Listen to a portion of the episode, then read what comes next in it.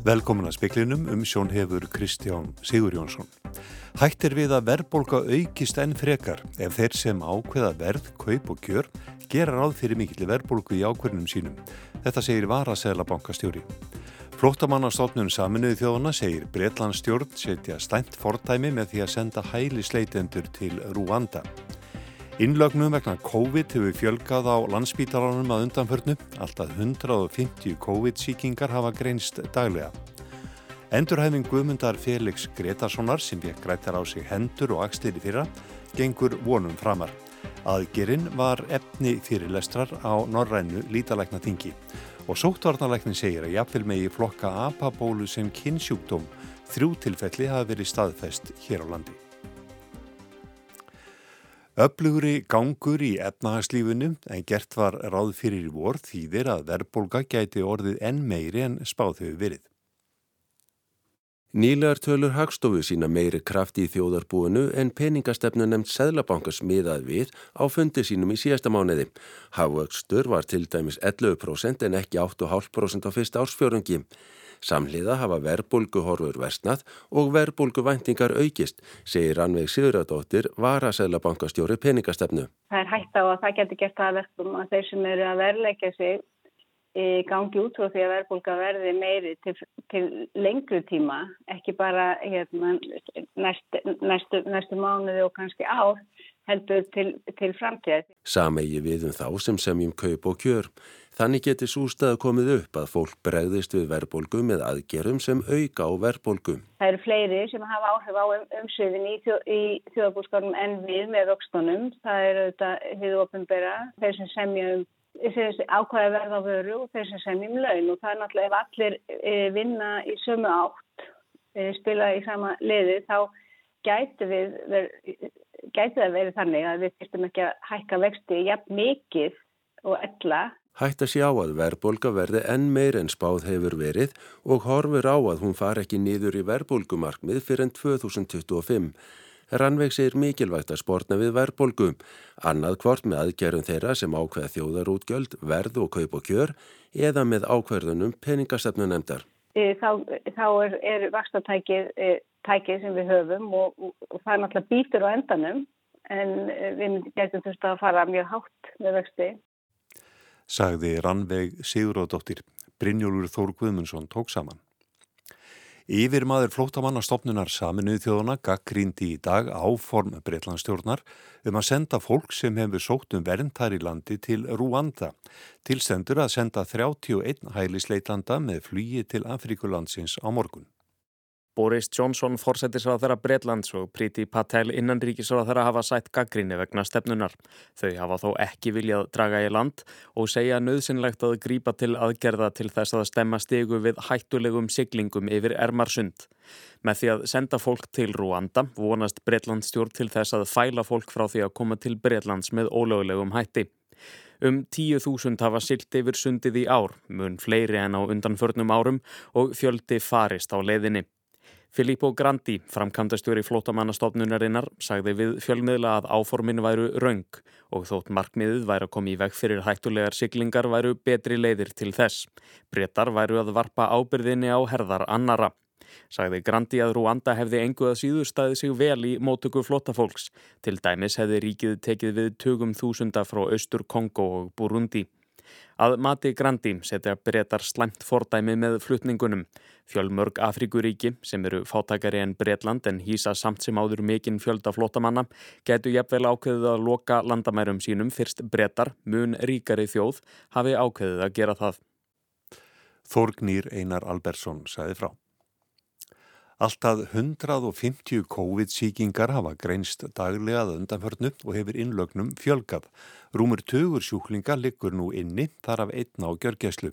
Ólafur Guðlöksson, yfirleiknur á síkingavarnatild landsbítalans, segir eldra fólk frekar veikjast alvarlega en einni séu dæmi veikindi í yngri hópum. Margir hristi COVID af sér eins og kvefupest og viti ekki af smiti fyrir en tekin séu síni vegna ferðalega. Ólafur segir raðgreiningar gerðar vikulega og hafa nýjir BA stopnar kórunuveirunar greinst. Hættan eru þetta alltaf svo. Það má ekki gleyma því að, að þessi veiru afbrið er í rauninni nýjar veirur þannig við vitum ekkert alveg á hverju við höfum vona frá þeim Sem betur fer hefur þessi BA fjölskylda hegða sér mjög svipað, verið meira smittandi, valdið svona vægar í sjúkdómi almennt en, en ekki þessum svakaljú alvarljú veikindum sem við sáum áður. En við vitum auðvitað aldrei á hverju vegum von. Þannig að við erum alltaf daldið ágjöfull þegar nýjir veirustofnar koma fram og svo er þetta náttúrulega ágættis bara áminningum að þeir sem eiga eftir að láta bólusetja sig geri það. Það er besta vörðin sagði Ólafur Guðlaugsson og meira af smiti. Þrjú apabólu smitt hafa grenst hér á landi. Sóttvarnalagnir segir að jafnvel megi flokka sjúkdómin sem kynnsjúkdóm. Þórólfur Guðnason segir að þriðja apabólusmitið sem greindist um helgina tengist ekki hinum fyrri. Ekki er hægt að rekja öll smitin til sama lands. Hann segir erfitt að spá fyrir um útbreyslu sjúkdómsins eins og er. Er vitt að fullera nokkuð um það og við höfum bara eftir að sjá hvað gerist núna næstunum því að sko, meðgöngutímin er það langur, þetta getur tekið aldrei langan tíma að sjá fyrir endan á þessu alveg. Þriðja smitið greindist í Karlmanni á miðjum aldri sem búsettur er á höfuborgarsvæðinu. Talið er að hann hafi smitast á ferðalagi í Evrópu. Það gætu alveg átt eftir að koma upp til felli sem að tengjast eh, öðru löndum eða jafnvel tengjast tilfellum hér innanlands. Þess vegna höfum við hvart alla og höldum áfram að hvetja alla sem er sérstaklega sem að hafa kannski verið á ferðum erlendis og, og verið svona í nánum kinnum eða einhverjum kinnlýnsatöfnum með okkunum fólki og fer að fá þessi, þessi einkenni, blöður og húð og blöður og kinnferði að láta vita af sér sem fyrst fá greininguna þannig að það að koma þau vekk fyrir frekar útbreyslu. Þetta er svona grundvallar atrið í þessu. Er það ennþá svona svolítið rauði þráðurinn í smitunum að þau tengjast, já þetta er eins og kynnsjúdómur þá eða hvað? Já þetta er svona, já þetta hegða sér nánast eins og það er líka erlendis eh, alveg rauði þráðurinn í því sem er að gerast og, og ég held að það sé svona þunga miðjan í þessu þó að veira geti borist á annan hátt líka að milli þá verðist það vera vega minna í, í þess, þessari útbreyslu núna heldur en þessi nánu kynni í kynlífi þannig að það má svona mörguleiti flokka þennan sjúkdóm eins og jafnvel kynnsjúkdóm og þetta sé kannski með margt öðruvísi en aðrir kynnsjúkdómar. Þannig að fólk þarf ekki en þá að hafa áhyggjur í sundi eða líkafsrækti eða eitthvað slikt? Nei, nei, þetta smittast ekki þannig þannig að það er engin dæmi um slikt. Sagði Þórólur Guðnason Hafdís Helga Helgadóttir í talaði við hann. Íbúum nokkura bæja í norðurluta Úkrænum var gert að yfirgefa heimili sín í dag eftir að rússar skutu eldflögum á bæjin Prílúki um 150 km austur af kænugarði. Hér að stjóri Tjernif Héras sagði frá þessu á samskiptaforritinu Telegram. Vjatsjeslav Tjás hérraðstjóri sagði óljóst hversu mikil eðileggingin í Prílúki væri. Ekki likur enn fyrir hvort nokkur létt lífið. Yfir völd ákvaðu hins vera rýma bæi umhverfis Prílúki vegna eldtættu í kjölfar árásarinnar. Árásir hafa verið nokkuð sjálfgefur á þessum slóðum frá því rúsneski herin hörfaði þaðan í apríl. Stór árás var þó gerð á herstöð 17. mæ. 87 fjallu í árásinni sem var eins og mannskeiðasta frá upphafi innrósarinnar. Lík sjö almennra borgara fundust í bænum Bútsjanæri kænugarði í morgun. Laurugla segir að hinn látnu hafi verið bundin á höndum og fótum, pintuð og síðan skotin í höfuðið. Mikið hefur verið fjallöðu mynda stríðsklæpi rúsneska hersins í Bútsja en rússar segja allar slíkar ásakanir tilbúning. Þorgnir Einar Albersson sagði frá. 17 mánuðir eru síðan Guðmundur Felix Gretarsson fór í handa og axla í græslu. Aram Gazarian sem gerði aðgerðina í Líón í Fraklandi er aðal fyrirlesari á norræna lítalæknaþinginu sem fer fram í hörpu í Reykjavík. Guðmundur Felix getur nú kreft nefa og segir endurhæfinguna ganga vil. Það var talað um að ég væri ekki komið með taugar niður í hendur fyrir kannski eftir, eitt, eftir tvö ár og ég er að nánast að geta kreft alveg nefa og annað. Eins og er þá ef ég er erfitt með að hreyfa bara eitt putta í einu. Yeah. Það eru mikið vöðvar í framhandlegjunum sem að beigja þá og þeir eru svona komin í lengra framhandleginn heldur en fingurnir sjálfur. Það er alltaf æfing fyrir alla sko, bara allir sem hafa lært á hljóðfæri vita að puttarnir gerir ekki það sama og vilt að þeir gera nema bara gera það aftur og aftur og aftur og aftur. Það er bara það sem ég þarf að vera að gera næsta árin. Þetta er mikill viljastyrkur sem þú hefur? Mm, já, ef þú veist hvað þú vilt þá, þú veist að maður bara er svo hundum í bein, maður bara sleppir ekki tökuðunum fyrir að maður færi þetta. Aram Gassarian skurleiknir segir árangur aðgerðirinnar vera sambland hæfni bæði Guðmundar Felix og lækna hjúkurnar og sjúkurnarþjálfuna teimisins. Hann segir engar hindranir í vegi fyrir því að Guðmundur Felix nái enn meiri hæfni og hann segir hann búa yfir miklum viljastyrk og líkjur honum við viking. Not only optimistic but uh, determinated. He is a viking. Saði Aram Gazarian, áður talaði Þúrdís Arljósdóttir við Guðmund Félix Gretarsson. Banaslis varði í reynisfjöru á föstudaginn. Erlendur ferðamæður á áttræðisaldri ljast og kona hans var hætt komin. Dæin eftir byrtust myndir af ferðamönnum sem mistu fótana í öldurótinu en tókst blessunulega að komast upp í fjöruna. Fimm banaslis hafa orði í reynisfjöru undan farin sjö ár og fyrir þremur árum átt að gera áhættumat fyrir fjöruna. Það er ekki komið enn og sveitarstjóra Mýrdalsreps og fleiri farða lengja eftir því. Friðrik Rapsson, formaði leðsagnar, félags leðsögumanna, segir skiljanlegt að fólk sé slegið þegar fólk ferst og eðlert viðbrað að vilja skella í lás en það sé ekki einfalt. Ég held að sjálfsagt mig alveg réttlæta það já að ef það er lagaheimilt fyrir því eins og mér skilst að sé að loka við tiltegnar aðstæður ef aðstæður eru yfir alveg haugasjór og kvast að þá eh, sé alveg eh, eðlilegt að loka en eh, hver á að meta það hvernig er staðið að því? Það er útværslu atriði en það er að sjálfsög ekki einfalt. Í reynisfjöru hafa verið sett upp áberandi skildi þar sem varaðir við hættunni en það dýr ekki til. Því miður sína bara dæmin að uh, það er ekki nóg, nei, það er, uh, það eru mjög áberandi skildi með teikningum og skýringum. Fólk uh, greinilega, það komu auðvitað mörg þúsund manns þarna í hverju mánuði, svona yfir háana tíman. Það eru greinilega innanum og sama við fólk sem er bara tekur þetta ekki alvarlega, sem manni finnst að reyndar alveg ótrúlegt, þess að þetta fyrir ekkert að milli mála. Killir wave, heitir þetta nú bara, bara drops, alda reyna.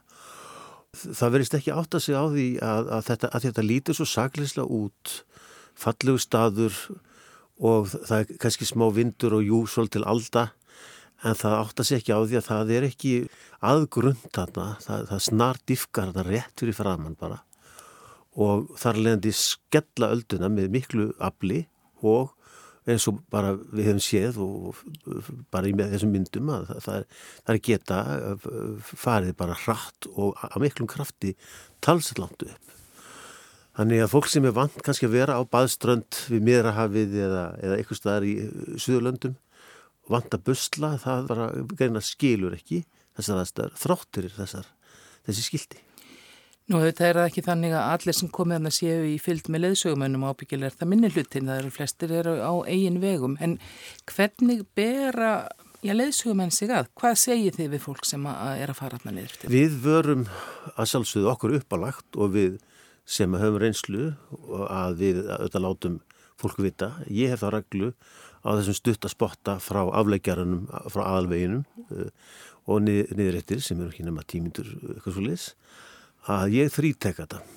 Að, og, og, og segi þarna hafa orði banaslis og, og bara útskýri fyrir þeim að þetta eru ofunlega rastæður og að því miður þá, þá bara hafa, er allt og algengt að fólk sé að glannast og uh, ég segi að svona þumaböttaregla ágætt finnst mér að, að, að halda sig sko fara ekki nær fjöru borðinu heldur en 20 metra. Það er svona regla sem við nótum mörg og og síðan uh, þegar fólk fer út úr útunni þá fer ég með hópnum nýttir og er svona á, á vappinu auðvitað ef maður er með 40-50 manns þá getur maður ekki fylgst með öllum að sjálfsögðu en ég er svona, maður hefur auga með því og því miður þá, þá uh, þar, þar maður síðan ofta fara að smala ekki endilega sko, fólkinu sem maður er að lesa heldur öðrum sem er þá sennilega á, á einvegum Og, og við gerum það eh, held ég bara öll leysum en við lítum að þetta sé ekki okkar farþjar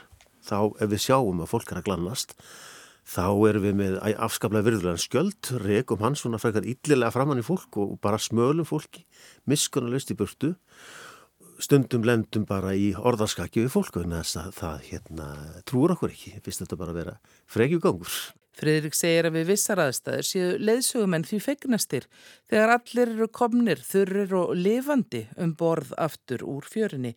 En hvað telur hann ráðlegast að gera þar? Fyrsta lagi þarf að auka merkingar. Það hafi verið hugmyndur upp að setja upp rauðan og, og svona grænan fána eins og snöðum á baðströndum.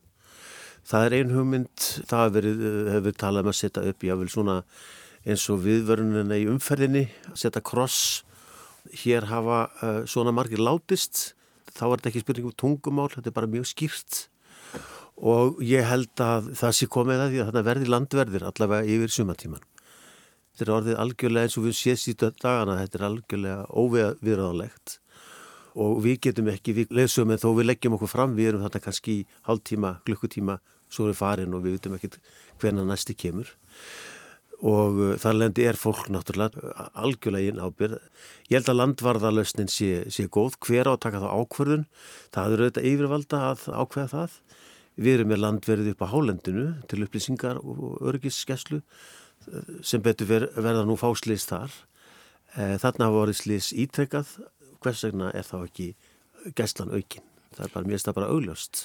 Eru einhverjir aðri staðir þar sem þér hafi fundist vera ábútu vantið að það séu kannski glannalegri heldur en þýrt að vera? Nei, ferðamannastaðir hafa verið mjög mikið lagaðir undanverðin ár og COVID hlið var líka nota ágætlega þess að bæta eh, aðstöðu á þessum svona fjöl förnustu stöðum. Ég var nýlega á stað sem maður var daldið fegin að fá alla heila upp í rútuna, það heitir Háifoss, eftir Þjórsadal en hversu mikil eh, umferðin er þar veit ég nú ekki, þar hefði mér fundist gott að hafa viðvörunarskildi, það var svona fróðleikur um staðin en engin svona viðvörun. Það mætti vera gerðing þar til dæmis, bara svona nýlegt dæmis í veitum, bara mjög hættulegu staði myndi ég segja.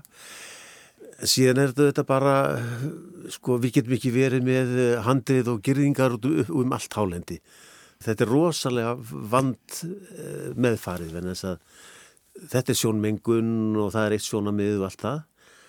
En mér finnst þetta að vera bara flýsinga tilferðamanna með öllum leiðum að bara fara varlega því þau eru því viltir náttúru veðrið að breytast staður sem getur verið nokkuð örugur einn daginn getur verið flug, hátl og hættulegu daginn eftir. Og, og það er bara þetta, stöðuga fræsla við getum ekki verið með verði eða girðingar eða, eða mannvirkjum út um alla tissur, það er bara vonlust við miður. Sagði Fridrik Rapsson, formaður leiðsagnar, félags leiðsugumanna. Anna Kristín Jónsdóttir talaði við hann.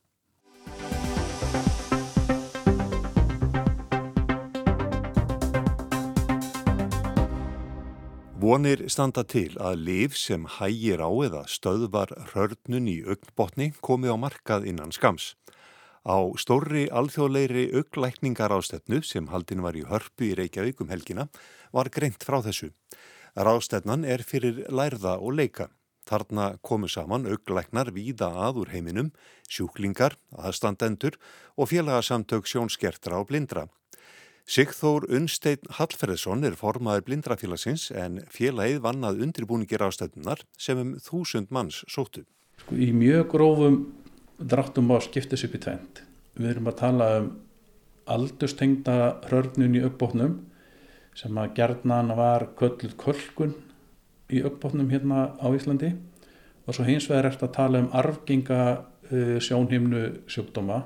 Þeir falla gerðnan undir eina stóra regli sem er kölluð RP eða retinitis pigmentosa. Og þarna inn á milli og með er, er líka sjúkdómar sem að fylgja til dæmi síkusíki. Í mjög grófum dráttum er þetta svona og þessi aldurstengda hörnun er nú, það er mun stærri hópur og fer eðlimáls sangvænt á vesturlöndum sístekkandi því þetta er nánast bara ákveði hlutvall af heldarfjöldan fólks. Þetta er það sem margir kannast við, hafandi átt ömmu eða afa eða gamla frængu eða frænda sem að hætti að geta lesið eða sá ekki lengur á sjónvarpið eða hannirðirnar, svona fingerðar hannirðir urðu ómögulegar en höfðu kannski ágæta ratsjón. Það er vegna þess að þetta byrtist hannig aldurstengta hörninin að þú tapar þá fyrst miðjusjóninni, skorpusjóninni miðinni og svo heldur þessi sjónskering áfram svona bara eins og punktu sem breyðist út yfir augað þannig að þú heldur náttúrulega mislengi í aðarsjón þannig að þú hefur kannski ágæta ratsjón en allt þetta svona fína þetta afturreyningin sem er svo mikilvæg hún verður erfiðari. Sigþór segir að 1000 til 1500 manns glými við hörnun í augnbotni hérlendis. Tvö afbríði eru á sjúkdónum. Svo kallað þurrt afbriði sem 80 til 85% þeirra sem greinast með hörnun í augbotni hafa og svo blöytt afbriði. Tekist hefur að þróa og taka í nótkunn lif við blöyta afbriðinu sem bætt hefur lífskeiði sjúklinga. Hinga til hefur ekki verið hægt að gera neitt fyrir þann stóra hóp sem þjáist af þurra afbriðinu en Sigþór segir að á rástefninum helgina hafi verið upplýst að bandarísk livjafyrirtæki hafi þróa lið sem gefur góðar vonir um að gagnist þeim hópi. Livið sé nú til skoðunar hjá Livja og matvælastofnu bandaríkjana og beðið er eftir markaslefi. Þetta eru gríðala stór tíðindi fyrir mjög stóran hóp af fólki og sístækkandi hóp. Þarna horfum við mjög björnsýnum augum og erum mjög spennt yfir því hvernig þessu vindu fram. Þessi auðbotna rörnum sem að ja, bísna margir þurfa að klíma við á efri árum, hvenar fer að bera á henni? Hvenar þarf fólk svona að vera varbriki?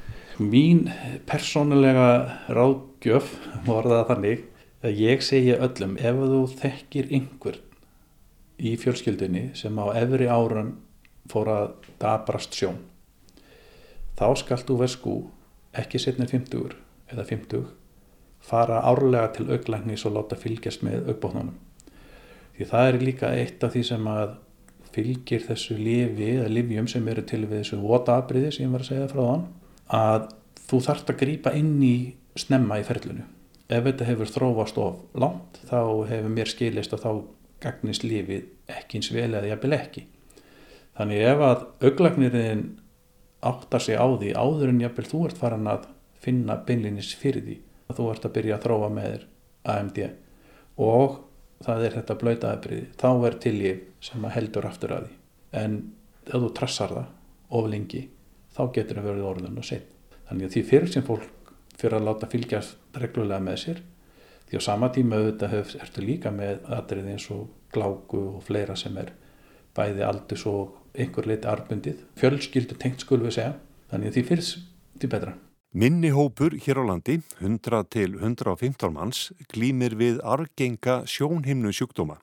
Þeir orsakast af argengum genagalla sem í flestum tilfellum er víkjandi hérlendis. Það þýðir að gallaða genið getur lúrt í nokkrar kynnslóður í ættum en skindilega veikist einhver, engin skilur neitt í neinu og sjónin dabrast hratt. Fyrir þennan hóp var það nú lingið vel þannig og eins og þegar ég er að greinast fyrir einhverjum 30-40 árum þá voru svolítið skilabóðan þessi að já þetta er arfgengt og það er ekkert hægt að gera. Fyrir stærsta hluta okkar er það nú svona raunin ennþá en hins vegar það sem hefur breyst er að það eru ótal rannsóknir í gangi og tilraunir út um allan heim sem að miða því að finna með ferð og veða lækningu við þessum argengu sjónhörnum sjúkdómum og merkilegust tíðindin eru nú kannski þau að 2017 kom að markaðin fyrsta lifið, gena lifið, má verða þannig, við einu tilteknu afbríð af þessum sjúkdómum. Ég hugsa að flesti gerir sér nú grein fyrir því hvað sjónin er mikilvæg. Það sem að almenningur glýmir kannski helst við er náttúrulega bara þessi vennilega nærsýni og, og fjarsýni. Hversu meðvitaður er almenningur um það að hlúa vel að sinni sjón? Ég held að við almennt tökum heilsunni sem gefnum hlut. Það fellur sjónin ekkert síður undir heldur en allt annað. Það er kannski ekki fyrir en að við förum að missa heilsunna sem við áttum okkur á því að hversu mikilvægun er. Flest okkar, ef ekki öll á miðum aldri, þurfum orðið leskleru.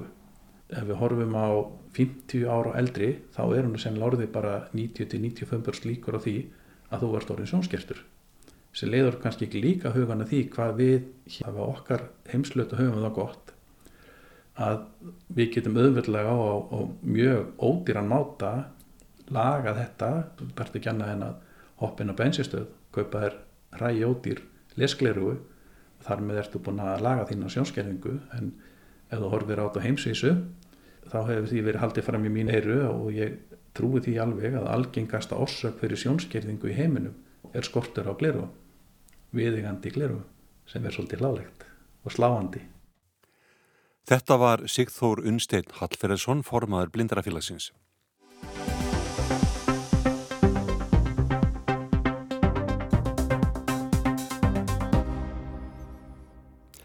Gengur það að svartur maður verði tengdasónur norsku konungshjóluna eða kemur nokkrum það við öðrum en viðkomandi manni og verðandi eiginkonu hans. En nú er Marta Lovisa, konungstóttir í Nóri, trúlofuð andalækninum Durek Verret og yfir þau hellast ókvæðisorð, morðhótanir og fyrirlitning. Gísli Kristjánsson í Nóri teku við. Blökkumadurinn og andalæknirinn Durek Værrett er ekki nýkominn til sögunar hjá norsku konungsfjölskyldunni. Hann hefur verið samstarfsmaður konungsdótturinnar á andlega sviðinum ára bíl. Hið nýja í málun er að nú eru þau ofinberlega trúlofuð. Hann er með trúlofuninni orðin nær fullgildu hluti af fjölskyldunni sem ræður húsum í konungshöllin í Ósló. Ætla má að hjónavíksla fylgja og eftir. Óstaðfesta rannsóknir benda til að það er því fyrsta sinn sem blökkumadur tengdist konungsætti í Evrópu. Og þessu fylgir nokkur háfaði. Í raun hafa þau Marta og Durek sjálf opnað umræðuna um stöðu hans með 70 mínútna langri sendingu á Instagram. Þar lýsa þau reynslu sinni af hatri og fyrirlitningu sem þau verða fyrir. Umfram allt hann. Jafnvel að þeim hafi borist morðhótanir Svo er að skilja sem allt þetta sé komið frá norsku fólki. Kynþáttahatur enginni við þorfið til Durex. Gefum verðandi tengda sinni konungssjónana orðið. They don't want to see a black man in the royal family because there's never been one in the history of histories. Þetta fólk vill ekki að svartur maður verði hluti af konungsfjölskyldunu því það hefur aldrei áður gest í sögunni, segir Durek þarna og kennir þetta rasisma eða kynþáttahatri. Marta segir einni frá því hvernig fólk er ótugtarlegt við hann en vingjartlegt við hana. People talking to me really nicely and turning around to Derek and being really horrible like not touching his hand or, or just say hello or, or Fólk talar kurteislega við mig en er hræðilegt í gard hans, neytar að taka í höndina á honum eða jafnvel að taka undir hverju hans, segir Marta. Hér þarf engra vitna við um að þau segja satt en sagan byrjar ekki þarna. Undanfærin ár hafa þau sett gaggríni fyrir kenningar um andalækningar og meinta hæfileika til að ná sambandi við annan heim.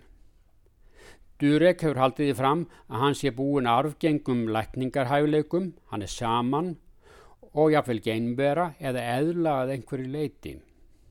Marta hefur líst samskiptum sínum við engla og samtölum við hesta og framliðið fólk. Árið 2019 var Norsk bókaforlag að hætta við útgáf og bók eftir Durek þar sem hann sagði að óhamingjusum börn gætu fengið krabbamenn af neikvæðum hugsunum. Þá tekur hann að sér að reka út ítla anda og einhver staðar mun vera til yfirlýsingar frá honum um að honum hafi tekist að lækna krabbamenn og auðvita kostar öll þessi þjónusta peninga. Marta hefur einnig haft andleg viðfangsefni að þessu tægi fyrir atvinnu og það leiti til þess að hún var að gefa frá sér titilinn hennar konunglega hátegn nú í upphafi þessar aldar. Konungsfjölskyldan má ekki standa í atvinnurekstri. Hún er þó oft titluð prinsessa og konungsdóttur er hún og ástkær dóttir foreldra sinna og hún er nú með fjögur í erðaröðinni. Núna deila menn hér til lands um hvort almennt neikvæð skrif um þau hjónaleysin stafi af húðlit hans eða af útbreytri vantrú norðmanna á annars konar lekningum og hverskins kukli. Norðmenn eru almennt séð raunsægis fólk og hér ber lítið á fólki sem segist hafa samband við annan heim og búa yfir yfirnáttúrulegum lækningakrafti. Þó er það til en þykir í bestafalli broslegt. En Marta sætti hardri gaggríni fyrir áhuga sinn og lýsingar á heimi andana löngu aður en að Durek kom til sögunar Miklum fjölda normanna líkar þetta ekki. Og einnig er spurt hvort viðhorfið til Duröks væri annað ef hann syndi virtari störfum en andalækningum.